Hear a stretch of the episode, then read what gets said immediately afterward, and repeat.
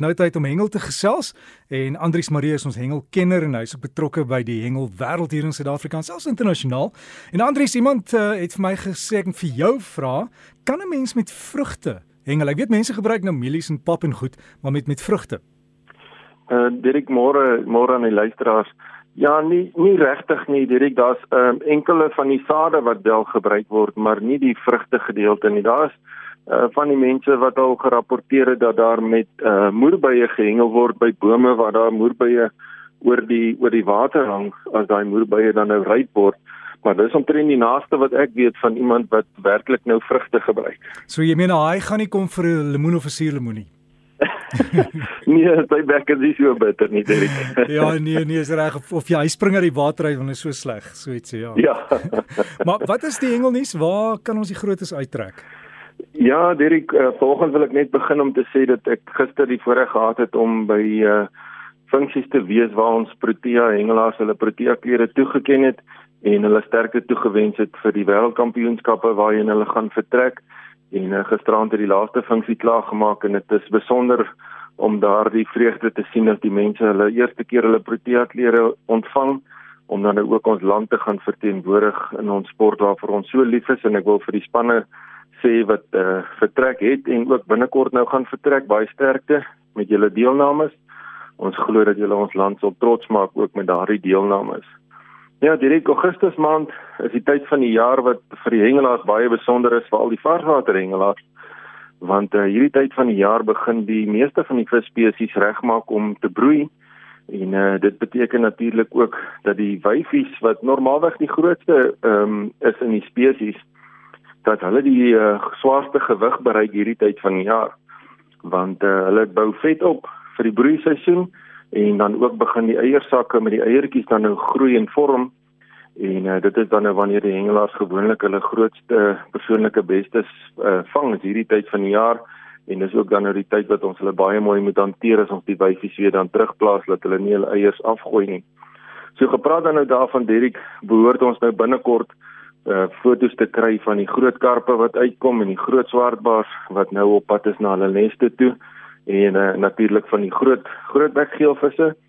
Ek het al reeds uh, so een of twee fotos gekry van die grootes wat uitkom, so ek kan nie wag vir hierdie jaar se groot vangste nie. Dit is dan nou ook uh, my hengelvriend Johan Donald wat hierdie week by die Vaalrivier was wat uh, begin het met sy goeie vangsessies van die grootes en hy was daar by Vosruit gewees daar langs die Vaalrivier met sy hengel uitstappie uh, en hy kon slaag om in die verskillende spesies van die rivier baie mooi groot vis te vang. Hy het 'n groot moddervis gevang, baie mooi karp en dan natuurlik sy grootbek geelvis wat oor die 9 kg geweg het was 'n besondere vis. Nou Johan baie mooi gedoen nou vriend. Daar's min mense wat 'n grootbek geelvis van oor 9 kg al vasgehou het.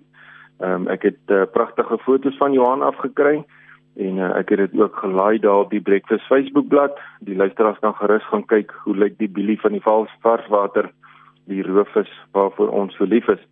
So gepraat van die Vaalrivier, Spings van Heerden en die Lonke Lawrence was ook by die Vaalrivier gewees. Nou ja, julle kan hoor die Vaalrivier is warm soos 'n alarm op hierdie stadium. Die vangste is baie goed en uh, die twee protea hengelaars van ons het uh, ook 'n klomp karpe gevang en dan ook van die kleinbekke gevang wat uh, ook hierdie tyd van die jaar begin om uh, voor te berei om te kan broei en ook dan nou te vreet. En uh, hulle het ook mooi visse gevang en daar's ook mooi foto's van al die visse wat hulle kon vang. Het ek dan uh, so gepraat van die groot visse, uh, Justin en Dewald, hulle was by Rodekoppiesdam, nou Rodekoppiesdam is mos net so buitekant Brits daar in die Noordwes provinsie en hulle het in hulle hengel uitstap by die groot karpe gaan teiken. Nou ja, hulle kon van daai monsterkarpe vang en die grootste een wat Justin kon kry was 18.1 kg. Nou ja, in die, in die ou taal is dit ver oor 40 pond. So baie geluk julle twee manne, baie mooi visse wat julle daar kon vang. Daar's ook pragtige foto's van daardie groot vangste wat hulle daar by Rodekoppies gehad het. Dit wat die see hengel betref, uh daar by Northpier, soos wat die hengelaars dit nou noem daar in die Durban area, daar 'n klomp jong kingfish uitgekom. Nou ja, met die see wat nou begin skoon word na die groot reëns, uh die vangste ook nou bietjie verbeter daar langs die kus en dan bietjie noordwaarts teen die kus op was daar heelwat Natalse snoek gevang en ook leervis wat uitgekom het. En uh, so van die leervis gepraat, daar by Mazeppa Baai het ook 'n klompie leervis uitgekom waarvan die grootste een net so by die 20 kg was wat natuurlik in leervistaal 'n baie groot vis is. In die Valsbaai area is die vis steeds besig om lekker te byt. Daar het 'n hele klompie galjoene uitgekom en daar was ook hier en daar 'n kabeljou gewees en dan was daar 'n groot steenbrag gewees van 9 kg wat uitgekom het wat ook 'n baie mooi vis is. Ja, luisteraars, wat die hengelwenk betref, het ek uh verlede week gepraat van die twee uh swartbaar tipe visstokke, die spinning en die bass stok. Ek skuis tog die bytecasting stok en uh hierdie stokke kan geklas word uh weer in ander kategorieë uh en hulle word geklas volgens die aksie wat die stok buig. Ehm um, en die eerste uh, afdeling waarin hulle gedeel word is die ligte klas en dan gaan dit na die medium en dan gaan dit na die swaar klas toe. En uh, al wat dit maar net beteken is wanneer die stok kan onder spanning geplaas word, buig hierdie stokke anderster. Die ligte stok uh, buig so 80% van die stok en dan is daar so 20% wat styf is. Die medium stok, hy buig so 50-50% waarvan dan 'n gedeelte is ehm um, buig en die ander gedeelte is dan nou styf. En dan die laaste gedeelte, laaste stok is die heavy stok of die swaar klas stok en hy het net 20% wat buig en die 80 gedeelte 80% is dan nou die gedeelte wat styf is.